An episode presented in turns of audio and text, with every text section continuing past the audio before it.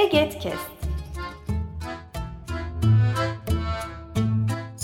Bu yayın Eğitimde Görme Engelliler Derneği tarafından hazırlanmıştır.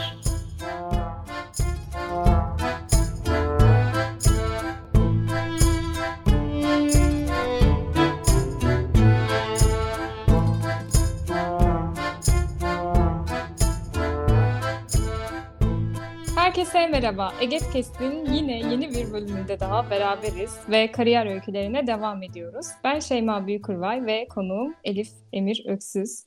Hoş geldin Elif. Merhaba Şeyma, merhaba sevgili dinleyenler. Biz bu bölümde Elif'le beraber psikoloji üzerine ilerleyen bir kariyer öyküsünü, Elif'in öyküsünü konuşacağız. Ee, ve hep biz bu öykülerimizde bir yandan yaygın olan, özellikle körler arasında yaygın olan ya da olmayan alanlara eğilmeye çalışıyoruz. Ben Elif'e ulaştığımda bunu anlattım ve Elif dedi ki ben hangisine giriyorum acaba? E, bence Elif e, hem yaygın hem de yaygın olmayan açılardan e, bizim podcast konuğumuz oluyor. Zaten beraber göreceğiz. O zaman başlayalım. E, kısaca seni tanıyabilir miyiz Elif? Tabii ki. Ee, ismimi söyledin zaten. Sondan başa doğru gideyim. Yıldırım Beyazıt Üniversitesi Psikoloji bölümünde e, doktor öğretim görevlisi olarak çalışıyorum. E, bir kız çocuk annesiyim. E, alanım psikoloji, tabii söylemiş oldum. E, görme engelliyim. Doğuştan e, diyebiliriz e, diyebiliriz diyorum. Çünkü hayatıma bir e, az gören olarak başlayıp daha sonra e, tam bir görme engelli olarak devam ettiğim için e, böyle e, deme ve açıklama ihtiyacı duydum.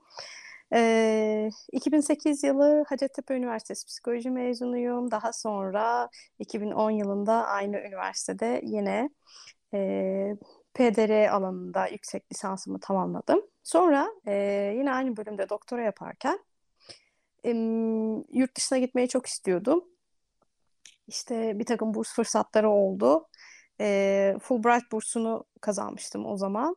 Ve daha sonra çok uzatmayacağım. Milli Eğitim Bakanlığı'nın da bir yurt dışı e, lisansüstü burs programı var. Onu da kazanınca işte birinin diğerine tercih ettim. Sonra Amerika'ya gittim. E, fakat akreditasyon ve denklik e, gibi sıkıntılar yüzünden burada bir doktora öğrencisiyken hatta doktorayı yarılamışken e, orada tekrar master'dan başlamak durumunda kaldım. E, bir yüksek lisans daha yapmış oldum böylece. E, onun da alanı Clinical Mental Health Counseling yani klinik ruh sağlığı danışmanlığı. E, daha sonra da e, Cincinnati Üniversitesi'nde ki Ohio'da yer alır kendisi. E, psikolojik danışman eğitimi üzerine e, doktoramı 2019 yılında tamamladım. E, doktoramı tamamladığımda kızım 2 yaşındaydı. E, bayağı zorlu bir süreçti hem anne olup hem yurt dışında doktora tamamlamak. Ama neyse ki bitti. İşte geçen 2020 Mayıs ayından beri de e, AYBÜ diyoruz kısaca ya da AYBU. AYBU'da çalışıyorum Ankara Yıldırım Beyazıt e, Üniversitesi'nde. Evet, iyi ki geldin mi desem bilemiyorum. Valla geldik işte. Yani buradayız şimdi buranın tadını çıkarıyoruz. Süper. Yani dinlerken çok keyifle dinledim. Kafamda bazı şeyler canlandı. ben burada merak ediyorum ki bu seçimleri nasıl yaptın? Bir okul seçimi olabilir, işte yurt dışına gitmek olabilir, iş yeri olabilir. Kariyer seçimlerin nasıldı? Neye göre karar verdin? Ve burada engelliliğin etkisi neydi senin için? Yani e, biraz biraz benim hani istek ve ilgilerim ama e, biraz şans, biraz kader, biraz da e, engelli olmanın getirdiği bir takım e, durumlarda etkiledi diyebilirim. E, şuradan başlayayım mesela lisede e, ben oldukça iyi bir lisede okumaya hak kazanmıştım. Yani eskiden Anadolu liseleri, Anadolu Lisesi bayağı böyle prestijli bir şeydi benim dönemimde. Ee, ben Bursalıyım. Bursa'nın en iyi e, ikinci Anadolu Lisesi'ne yerleşmiştim. Ee, tabii ki mesela sayısal seçmek, o alan seçme döneminde çok bir seçenek değildi. Yani sayısal seçip ne yapacağım, sayısal dersleri nasıl yapacağım? Ki o zaman daha bir az gören statüsündeydim. Yani işte e, büyük puntoyla yazılınca bir de ben büyüteç alınca elime hani çok yavaş da olsa okuyabiliyordum. O yüzden hiçbir zaman işte geometridir, kimyadır, fiziktir o tarz derslerde hiçbir muafiyetim olmadı. Böyle e, ek süre falan da verilmez mesela. O zaman hiç hiçbir e, ne derler ona uyum veya işte adaptasyonla ilgili hiçbir şey yoktu. Hani herhangi bir bilgi de yoktu. Benim de yoktu. Okuldaki öğretmenlerimin de yoktu. Ben e, böyle var olan o bir gıdım görmemi kullanarak ya da kullanmaya çalışarak e, çoğu zaman da aslında kendimden çok fazla e, fedakarlık yaparak işte lisede ilerliyordum. Ama tabii bu şartlar altında hani zaten sayısal alanı veya oradan mesleği seçmek hani düşüncede bile değildi yani. Seçsem nasıl okuyacağım, e, okusam hangi mesleği yapacağım, nasıl çalışacağım gibi. Eşit ağırlığa yöneldim. İşte e, iyi de bir puan alınca üniversite sınavında ondan sonra hukuk seç gibi şeyler gelmeye başladı etraftan. Kafamda şöyle bir şey oluşmuştu. Ya ben ya her yüksek yüksek puan alan eşit ağırlık öğrencisinin kaderi evet. bence. Kafamda şöyle bir şey oluşmuştu.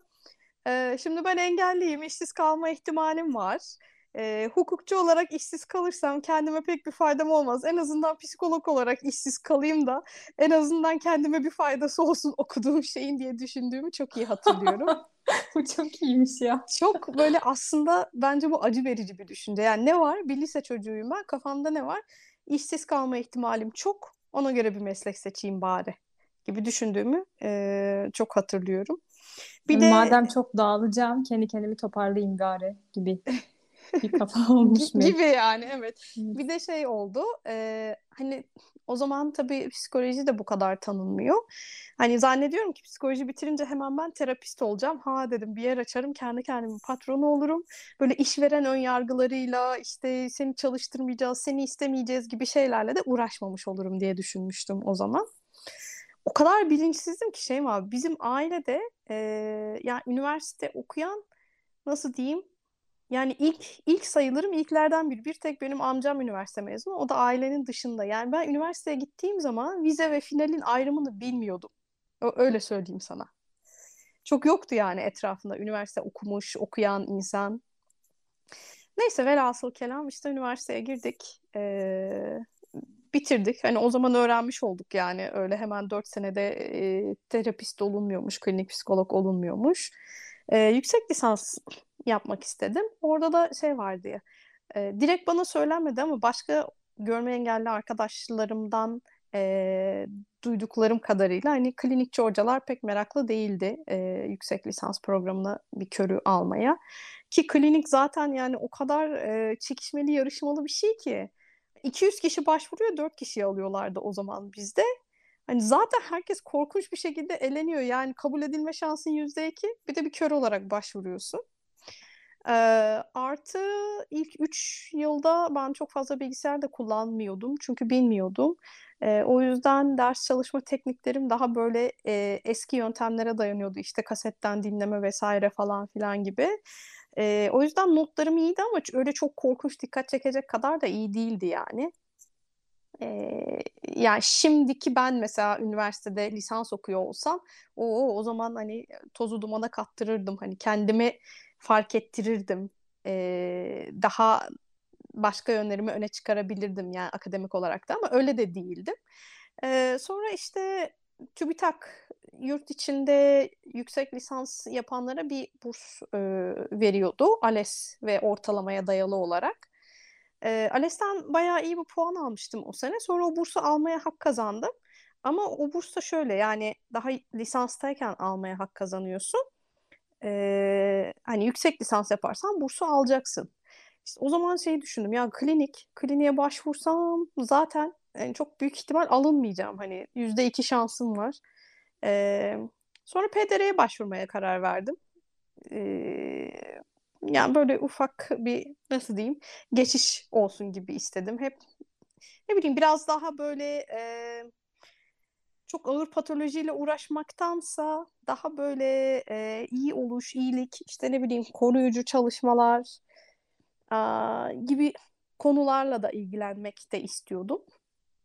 Aslında e, sosyal psikolojiye de başvurabilirmişim. Yani şimdiki aklım olsa. Hani orada da benim çok ilgimi çeken konular var. E, ya da gelişimde de çalışabilirdim aynı şeyi ama bilmiyorum. Yani o dönem öyle bir şey oldu. İşte FDR'ye başvurdum. Oradan e, devam ettim. Hep aklımda şöyle bir şey vardı. Ya işte yurt dışına gitsem bu kadar ön yargı olmaz görmediğim için.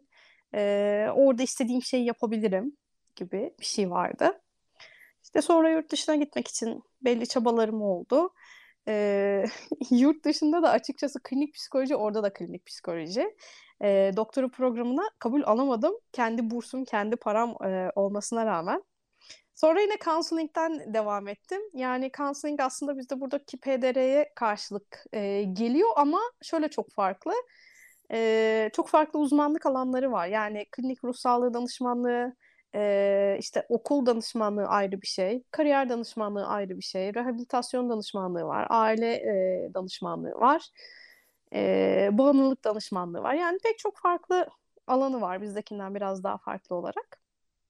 Sonra dedim işte e, klinik yani e, aslında klinik ruh sağlığı danışmanları ve klinik psikologlar e, hemen hemen aynı işi yapıyorlar Amerika'da. Aynı yetkinliklere sahipler.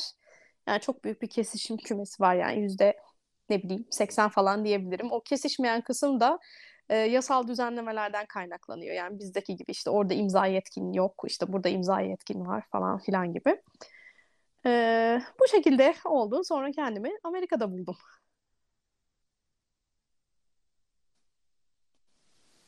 Çok güzel. Yani ben peki oradan dönüş süreci nasıldı senin için? Yani buraya gelmek e, planladığın bir şey miydi? Yoksa böyle akışta mı karşına çıktığı gibi? Ee, şöyle bilgi vereyim. Bu birazcık benim aldığım bursun doğasıyla ilgili bir şey. Milli Eğitim Bakanlığı'nın YLYS programı. Yanlış söylemiyorum değil inşallah. Ee, şöyle Evet, harf sıralaması açısından tanıdık geliyor bana da. YLYS miydi, YLSY miydi? YLYS YLYS olması lazım. galiba. Ee, o programın temel felsefesi şöyle. Ben seni yurt dışında okuturum. Sen de e, orada öğrendiklerini gelir burada ülkedekilere öğretirsin. Bu da senin zorunlu hizmetin olur şeklinde bir şey. Yani olur da ben gelmem dersen ne olur? Diyor ki devlet ben sana verdiğim paranın hepsini senin için yaptığım bütün masrafları faiziyle kuruşu kuruşuna geri alırım diyor. Dolayısıyla dönmek ya da dönmemek e, benim çok yani nasıl diyeyim seçimime kalmış bir şey değildi. Ha, bu bursla gidip sonra dönmeyen insanlar da var. O biraz e, alana da özgü bir şey. Yani he, psikoloji veya işte danışmanlık çok para getiren alanlar değiller. Hani benim bunun e, bana yapılan masrafı ödeyebileceğim kadar para kazanabileceğim bir işimin olacağı bir alan değil. İşte ne bileyim bilgisayar mühendisleri, işte e, belki yazılımcılar vesaire hani daha yüksek maaşlarla iş bulup belki bunu ödeyebilirler ama bizim alanımızda bu çok mümkün değil. Bir de okul döneminde ben e, oradan herhangi bir burs da bulamadım. Hani bu maddi yükümlülüğü azaltacak ya da borcumu. Ama e, tüm bunların ötesinde benim e, zaten yani akademisyen olmak gibi bir isteğim vardı ve Fulbright'ı bırakmamdaki e, sebeplerden bir tanesi de buydu. Çünkü Fulbright da burs veriyor ama dönüşte sizi serbest bırakıyor. Aslında serbestlik güzel bir şey. E, ama ben şöyle düşündüm. Ya ben şimdi Amerika'da doktora bile yapmış olsam dönsem ee, yani nerede kadro bulabileceğim kendime? Zaten böyle şeylerde hani acayip e, bir yarışma var, çekişme var. E, yine bir kör olarak başvuruyor olacağım bu kadroları. Tamam evet Amerika'da doktora yapmak e, bir, elimi güçlendirir ama e, yine de karşıdan hani bir insan beni gördüğü zaman direkt olarak gördüğü şey elimdeki baston ve körlüğüm. Hani nerede doktora yapmışsına gelemeden bile ben elenebilirim. Dolayısıyla dedim ki madem zorunlu hizmet var e, bunlar o zaman beni işe almak zorunda kalacaklar. Bir de e, gider, gide, aynen öyle giderken nereye gideceğim belli oluyor. Yani benim Ankara Yıldırım Beyazıt Üniversitesi'ne döneceğim bu burs kazandığım zaman belliydi. Ya bir de Ankara'da bir kadro yani Ankara'da kadro bulmak, akademik kadro bulmak o kadar zor bir şey ki. Ee, böyle olunca ben Fulbright'ı bıraktım hemen Milli Eğitim Bakanlığı bursuna geçtim. Yani benim özünde istediğim şey zaten e, akademide kalmaktı. E, bu da işte bir nevi e, beni almak zorundalar gibi bir e, algı doğurduğu için ben de bana daha cazip geldi. O yüzden hani zaten giderken kafamda dönmek vardı. Ee, ne yapacağımı da aşağı yukarı biliyordum. Hani 10 sene öncesinden biliyordum. 2010'da kazandım bursu, 2020'de başladım ARBÜ'de. Bayağı uzun soluklu, e, önceden planlanmış bir şey aslında. Hmm, Ben bunu yani zorunlu hizmet olduğunu biliyordum dönüşte ama şunu bilmiyormuşum. Doğrudan mesela üniversitenin belli olduğunu söyledin. Onu şu an öğrendim ve şaşırdım aslında biraz. Evet evet öyle oluyor. Böyle tıpkı ÖSS yerleştirmeleri gibi. Gerçi adı değişti sınavın. Ben bir dinozor sayılırım artık. Benden sonra kaç kere değişti bilmiyorum da. Yani kontenjanlar açılıyor. Ee, onlara göre başvuru yapıyorsun. Hani nereyi kazandığın belli oluyor. Nereye yerleştiğin, hangi Hmm. bölüm adına gibi. Ee, ama çok eskiden böyle değildi. Ee, yani benden çok daha önce böyle değilmiş. Neyse işte böyleydi. Ee, gittim yedi buçuk sene kaldım Amerika'da. Bir e, yüksek lisans ve bir doktora e, süreci. Peki gitmeden öncekine dair az önce şöyle bir şey demiştin. Yurt dışında her şey daha güzel olacak eğitimle ilgili işte e, bilgisayar kullanımından vesaire bahsederken. O deneyimin nasıl oldu? Ee, bazı şeyler çok daha kolaydı ve güzeldi gerçekten. Özellikle yüksek lisans programında üniversitenin engelli öğrenci birim sorumlusu kendisi de kör bir kadındı. Ee, şöyle söyleyeyim, e, dinleyicilerimizin ağzı sulansın. Şimdi hangi derslere kayıt oluyorsun ya ders kaydı biraz daha erken oluyor Amerika'da ders kayıtları. Bayağı daha erken oluyor. Yani mesela bahar döneminin ortasında seneye güz dönemi için kayıtlarını yapıyorsun. Ondan sonra eee, bilgi gidiyor işte şeye engelli ofisine.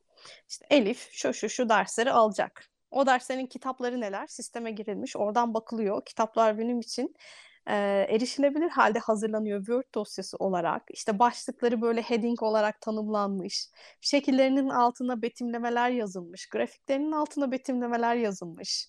İşte erişilebilir olmayan Ağlamak istiyorum. varsa erişilebilir yapılmış. Bir şekilde dönem başladığı zaman çoğunlukla e, ya bütün kitaplar ya da işte haftalık yani en kötü ihtimal haftalık okuyacağım şeyler e, bana hazır olarak geliyordu. Yani burada şimdi ders seçimlerini biz böyle bir tarihe alsak aynısı olmayabilir. Çünkü tamamen engelli insanları da eşit görmek ve engellilik meselesinde önceliği olabilmekle ilgili. Ya orada her şey çok sistemli ve planlı. Hani ben e, bölüme girdiğimde yüksek lisansa bakanlık benden dedi ki iki yıllık ders planı yapman lazım, bize göndermen lazım. Sonra ben bölüm başkanlığına gittim. Böyle bir şey yapmam gerekiyor ama nasıl yapacağız dedi. Aa çok kolay yaparız dedi. Şu dönem şu dersi, bu dönem bu dersi alırsın dedi. Peki dedim nereden biliyorsun o dönem o ders açılacak da ötekiyle çakışmayacak ders saati şu bu hani o dönem gerçekten ben o dersi alabilecek miyim? Tabii ki dedi. "Aa, bizde her zaman bu dersler bugünlerde açılır dedi. Değişmez dedi. Ve e, Çok iyi. yaptığımız iki senelik plana da gerçekten harf harfine uyabildim. Ee, dediğim gibi mesela işte ders kayıtları çok erken. Derslerde hangi kitabın okutulacağı belli, sisteme girilmiş. Hani her şey çok planlı. Bu da tabii işleri kolaylaştırıyor. Yani ben Fakat Hacettepe'de lisansta bir kitap taratırken mesela dönem başında kitap taratıyorum kütüphanenin e, o birimine. Ama başka herkes de taratıyor. Böyle birikiyor, yoğun bir kişi var sadece. İşte kim ne kitap istemişti onu karıştırıyor falan. Yoğunluk çünkü ya işte herhangi bir orada bir sistem yok. iş gücü e, gerekli. Yani bunların mesela ya burada da aksamalar çok oluyordu. Ama hani e, kesinlikle şikayet edilecek kadar değil ya da nasıl diyeyim şikayet etsem bulmuş da bunuyormuş gibi olurum. Çok fazla öğrenci çalıştırıyorlardı hani saatlik ücretle. E, sadece tarama değil dediğim gibi o işlemlerini de yapıyorlardı hani. Fakat doktoraya geçtiğimde işler böyle olmadı. Zannetmeyin ki Amerika'da bütün okullarda hayat bu kadar pürüzsüz. Doktoradaki e, engelli üniversite birimi hiçbir şeyden anlamayan bir sürü insanla doluydu. Özellikle de e, körlerle ilgili çok eksiklerdi. Yani işitme engelliler için daha donanımlı olabilirler. E, bana öyle görünüyordu en azından ama. Ee, kitaplarımın hiçbirini bu az önce anlattığım formatta alamadım mesela doktoradayken.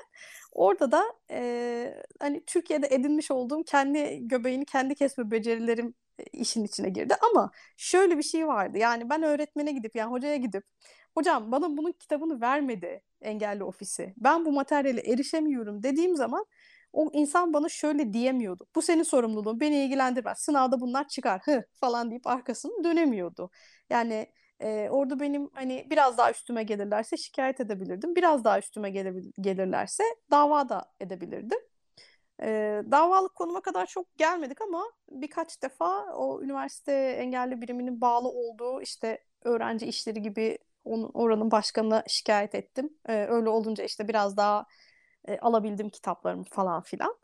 Dediğim gibi yani orası çok pürüzsüz değildi. Bir de doktora da şöyle bir şey oluyor. Yüksek lisanstaki gibi hani dersin kitabı bu, bunu takip edeceğiz gibi olmuyor. Daha çok böyle makalelerden ilerleniyor. İşte bağımsız çalışmalar, sen sunum yapıyorsun vesaire. O yüzden kitap olayı da zaten aslında çok olmadı. Yani bir tek istatistik dersinde oldu. Orada da zaten oldukça sıkıntı oldu.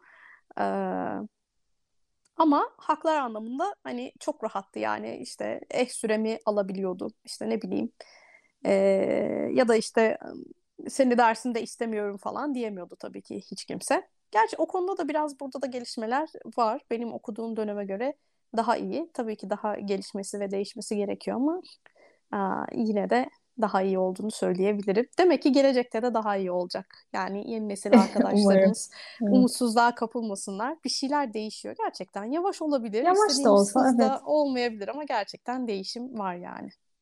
Peki Türkiye'de bu daha çok psikolog ve psikolojik danışmanların e, başına gelen bir şey. E, hani göz göze bakmak aslında teorik de bunun bir altyapısı var. Danışanla göz göze gelebilmek ya da görsel olarak izlemek önemlidir derler. E, yani tabii ki de önemlidir bu arada. Ama bazen tek seçenek buymuş ve bunu yapamadığın zaman her şey kötüye gidiyormuş ve aslında sen o işte olmamalıymışsın gibi düşünülebiliyor. Bununla ilgili ne dersin? Oradaki deneyim açısından belki ya da senin fikrin. Şimdi şöyle, e, görmek insan türüne çok büyük bir avantaj sağlıyor. Yani diğer tüm duyulara daha baskın geliyor. Dolayısıyla da gören insanların bunu e, hani en önemli duyu adletmeleri onlar açısından baktığımda normal geliyor. Ama e, hayatın hani tek yolu bu değil. Ya mesela işte bir arkadaşım demişti, e, yemeğin piştiğini nereden anlıyorsun madem görmüyorsun? Ya nereden anlayacağım? Kokusundan anlıyorum, tadından anlıyorum ya. Bu kadar basit yani. Hani illa görerek anlamaya gerek yok. Danışmanlık kısmına gelirsek, benim orada 700 saat stajım vardı ve bu 700 saatin yaklaşık yarısını direkt danışan görerek geçirdim. Yani o bizim hani anladığımız o terapi odasında birebir danışanlarla çalışarak. ve yani aman da ben görmüyorum da burada bir bilgi kaçırdım anını yaşadığım bir an olmadı. Fakat e, görmüyor oluşumu da hani böyle odadaki hakkında konuşulmayan fil gibi bir hale getirmedim. Her zaman danışanlarımla açık açık yani gerektiği zaman mesela bunu malzeme yaptım. Ee, bir danışanım vardı dış görünüşüne çok önem veriyordu ve hatta e, yeme bozukluğu vardı kilo e, kontrolü ile ilgili e, düşüncelerinden dolayı. Mesela işte ona şey diyordum. Ya sen şimdi bak bu kadar güzel özenli giyiniyorsun, süsleniyorsun, geliyorsun buraya ama ben bunun hiçbirini görmüyorum. Bu senin için ne ifade ediyor diye.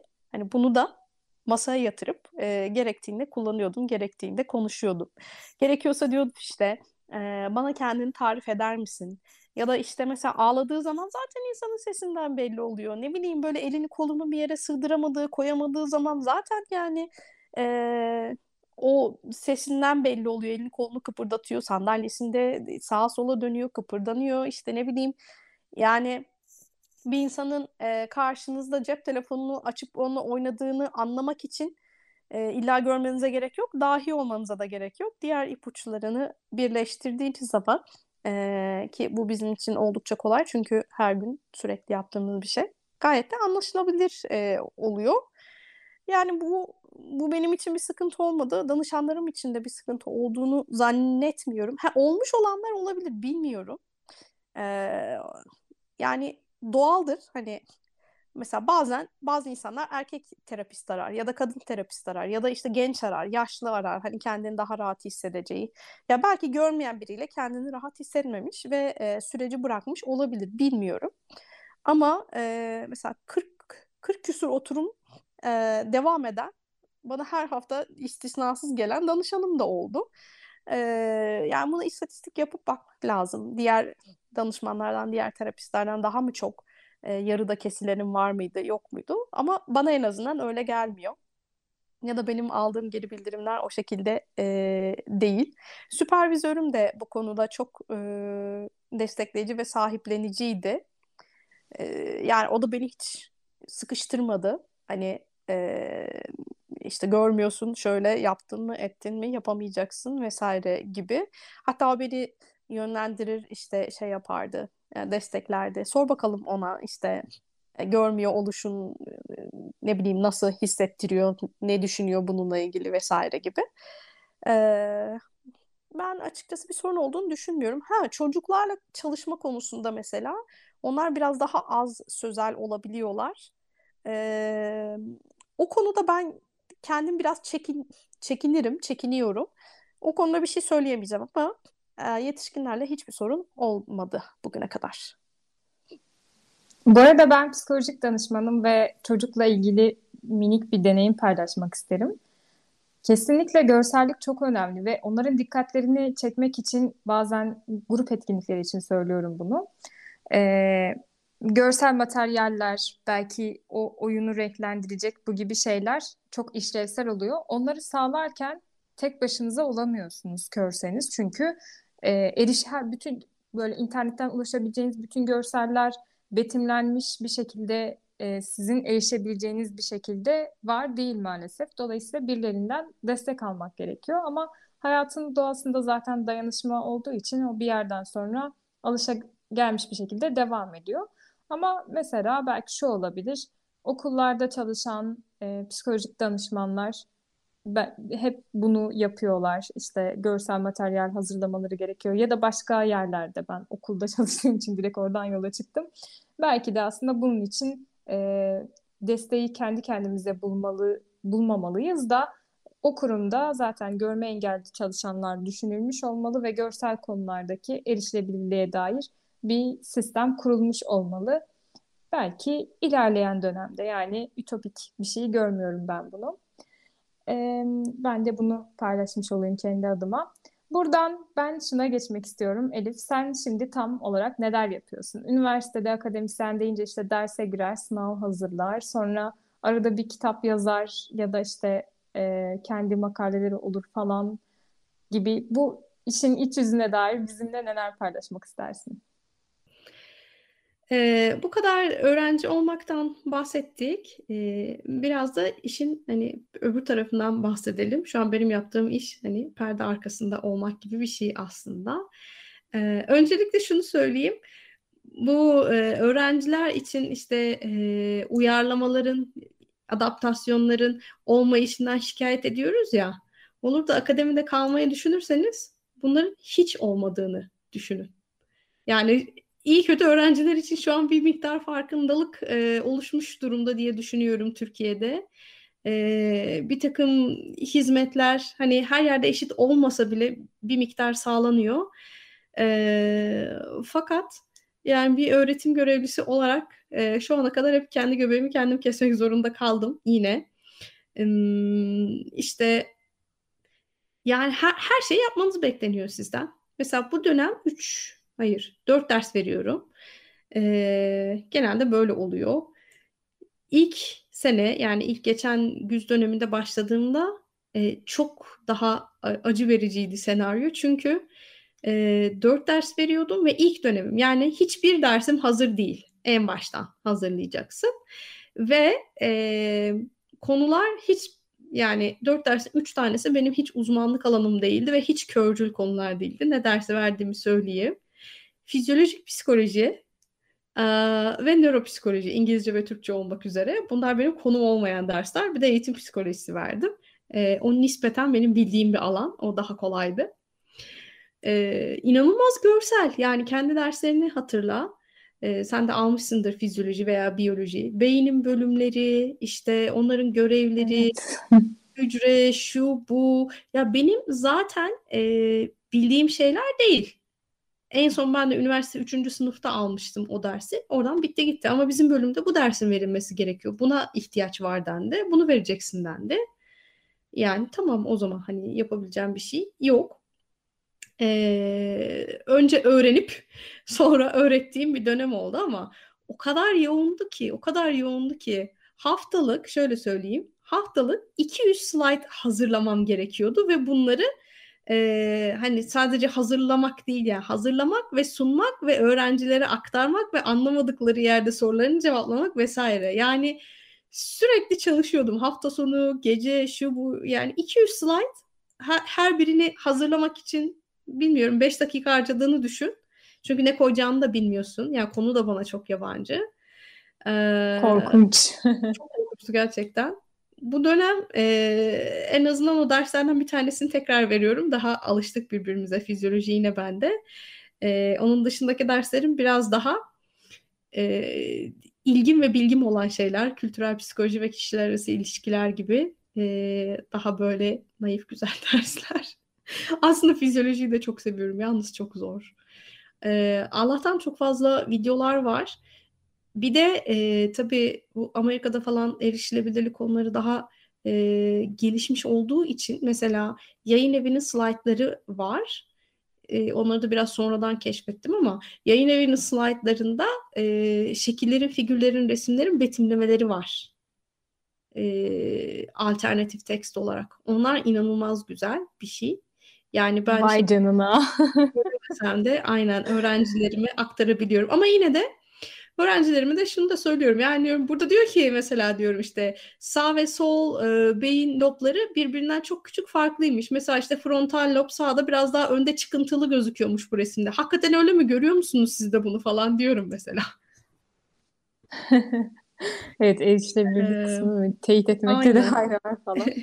Ee, onun dışında e, valla her şeyi yapıyorum Şeyma. Yani ders veriyorum, sınav hazırlıyorum, makale yazıyorum, kitap bölümü yazıyorum. Yapıyorum Allah yapıyorum. İdari işler daha henüz çok fazla yok ama e, yani arada çıkıyor işte şundan sen sorumlusun, bundan sen sorumlusun vesaire. Bizim bölüm için mesela akreditasyon süreci var. İşte ders programı açısından ben sorumluyum artık vesaire. Ya her şeyi yapıyorum ve inanılmaz yoğunum. Ee, bence İngilizce'de şöyle bir şey var, creep time diye. Yani sakat insanların bazı e, görevleri biraz daha uzun zamanda yapmalarını, yapıyor olduklarını vurguluyor ve ben buna çok katılıyorum. Yani çoğu zaman da deneyimledim hani e, bazı şeyler daha uzun vakit alabiliyor gören biriyle aynı anda yaptığımız zaman. O yüzden e, 8 saat mesai yetmiyor. Zaten bir akademisyene hiçbir zaman yetmiyor. E, ama hani hiçbir e, erişilebilirlik desteği yok. Artı sistemler e, sıkıntılı. Yani mesela not giriş ne yaparsam yapayım kendim yapamayacağım bir şey. Çünkü not giriş sayfası tamamen erişilebilir olmayan bir sayfa. Değişmesi için bir takım yazışmalar yaptım ama değişmedi. Ee, böyle yani bu şekilde e, ilerliyor. Akademi gerçekten çok e, nasıl diyeyim çok talepkar. İnanılmaz talepkar bir iş. Yani e, öğrencilikte sıkılıyorsanız ders çalışmaktan akademiden uzak durun. Çünkü bu onun 10 katı diyeyim size. Hani Ders mesela öğren- çalışmanın iş hali gibi mi? İş hali. Yani mesela şöyle düşün bak dönemde bir tane ödevin oluyor. Diyor ki işte 15 dakikalık bir sunum hazırlayacaksın, sunacaksın sınıfa. İşte bu senin vize ödevin oluyor mesela. Ya ben onu her hafta 3 saat üzerinden 4 kere yapıyorum. 4 farklı şey için düşün. Hani her hafta 3 Evet. saatlik bir sunum hazırlamam lazım. Bir sahne performansı gibi açıkçası. Çok iyi hazırlanman lazım. Aa, yani ne anlatacaksın, ne söyleyeceksin. Hani bildiğin şeyleri anlatıyorsan gene neyse amenna ama e, konular o kadar böyle derya deniz ki hani kültürel psikoloji benim en aşina olduğum, en uzmanlaştığım alan neredeyse diyebilirim. E, ama orada bile Hani böyle gireyim de hiç bakmadan anlatayım denebilecek bir şey yok ve artık e, öğrenciler de çok talepkar, sistem de çok talepkar. Yani sadece gireyim bildiklerimi anlatayım değil. Hani etkinlik ne yaptın, video bir şey gösterdin mi, görseller kullandın mı anlatırken? İşte e, ne bileyim sınav yaparken ya da öğrenciyi değerlendirirken çeşitli yöntemler kullandın mı? Kesinlikle bunlar müthiş yoğunluklar. Bir de şöyle bir şey var. Aslında bir sürü işte yoğunluk olabilir ama bazı işlerin zamanı daha belli ve o zamanda yaparsın biter. Akademisyenlik doğası itibariyle yoğunluğu içeriyor anladığımız kadarıyla. Kesinlikle. Sürekli eve iş e, getirmece şeklinde. Yani e, hani böyle finaller yaklaşırken ne yaparsın, ne yaparsan böyle huzur bulamazsın ya. Şey olur hani televizyon izlesen, sinemaya gitsen hep bir vicdan azabı olur. Ya yapılacak bir sürü şey var gibi. Hayatım aşağı yukarı öyle geçiyor maalesef. Bilim insanı olmak ya da bu alanda olmak böyle bir şey galiba. Çünkü sürekli ilerleyen bir taraf var bir yanda. Peki o zaman ben son olarak şunu sorayım. Ee, bu alanda ilerlemeyi düşünenlere belki engellilik bağlamında da olabilir. Neler önerirsin ya da eklemek istediğin bir şeyler var mıdır kısaca? Yani gençlere şunu öneririm. Ee, üniversite hayatınızda özellikle hatta lisede de e, yapabildiğiniz kadar beceri edinin. Yani bu hem körcül hem körcül olmayan beceriler. Hani nasıl diyeyim size? PowerPoint kullanmayı iyi biliyorsanız iş hayatınızda rahat edersiniz. İşte ne bileyim mesela e, Word'ü hani ileri fonksiyonlarını kullanabiliyorsanız iş hayatınızda daha bağımsız olur, daha rahat edersiniz. Hani Word dediğimiz şey sonuçta sadece yazı yazmak değil.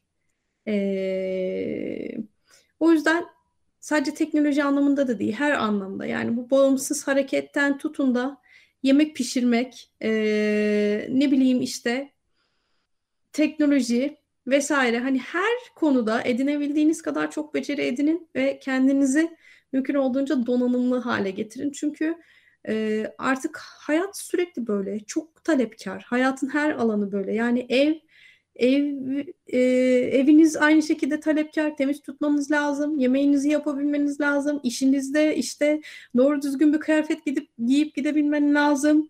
Ne bileyim o kıyafeti ütüleyebiliyor olman lazım. Ee, birilerine sunum yapabiliyor olman lazım. Lazım da lazım yani. Hayat çok talepkar. O yüzden e, gençlerin aslında çok fazla vakti var. Hazır özellikle e, şeyken nasıl diyeyim çoluk çocuk gibi sorumlulukları yokken özellikle lise döneminde hani nasıl olsa akşam yemeği pişiyor, çamaşırlar yıkanıyor. Vaktinizi güzel değerlendirin diye e, söyleyebilirim. Çünkü artık hayat çok talepkar, çok yarışmacı. E, o yüzden herkes olabildiğinin en iyisi olmak durumunda.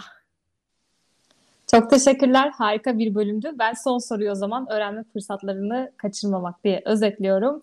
Ee, tekrar teşekkürler bizim davetimizi kabul ettiğin ve bu kadar kıymetli deneyimlerini paylaştığın için. Yeni Çok bölümlerde ve yeni konuklarla görüşmek üzere. Hoşçakalın. Bu yayın Eğitimde Görme Engelliler Derneği tarafından hazırlanmıştır. Web sitesi eget.org Mail bilgi.eget.org Facebook Eğitimde Görme Engelliler. Twitter et Eget İletisim Instagram Eğitimde Görme Engelliler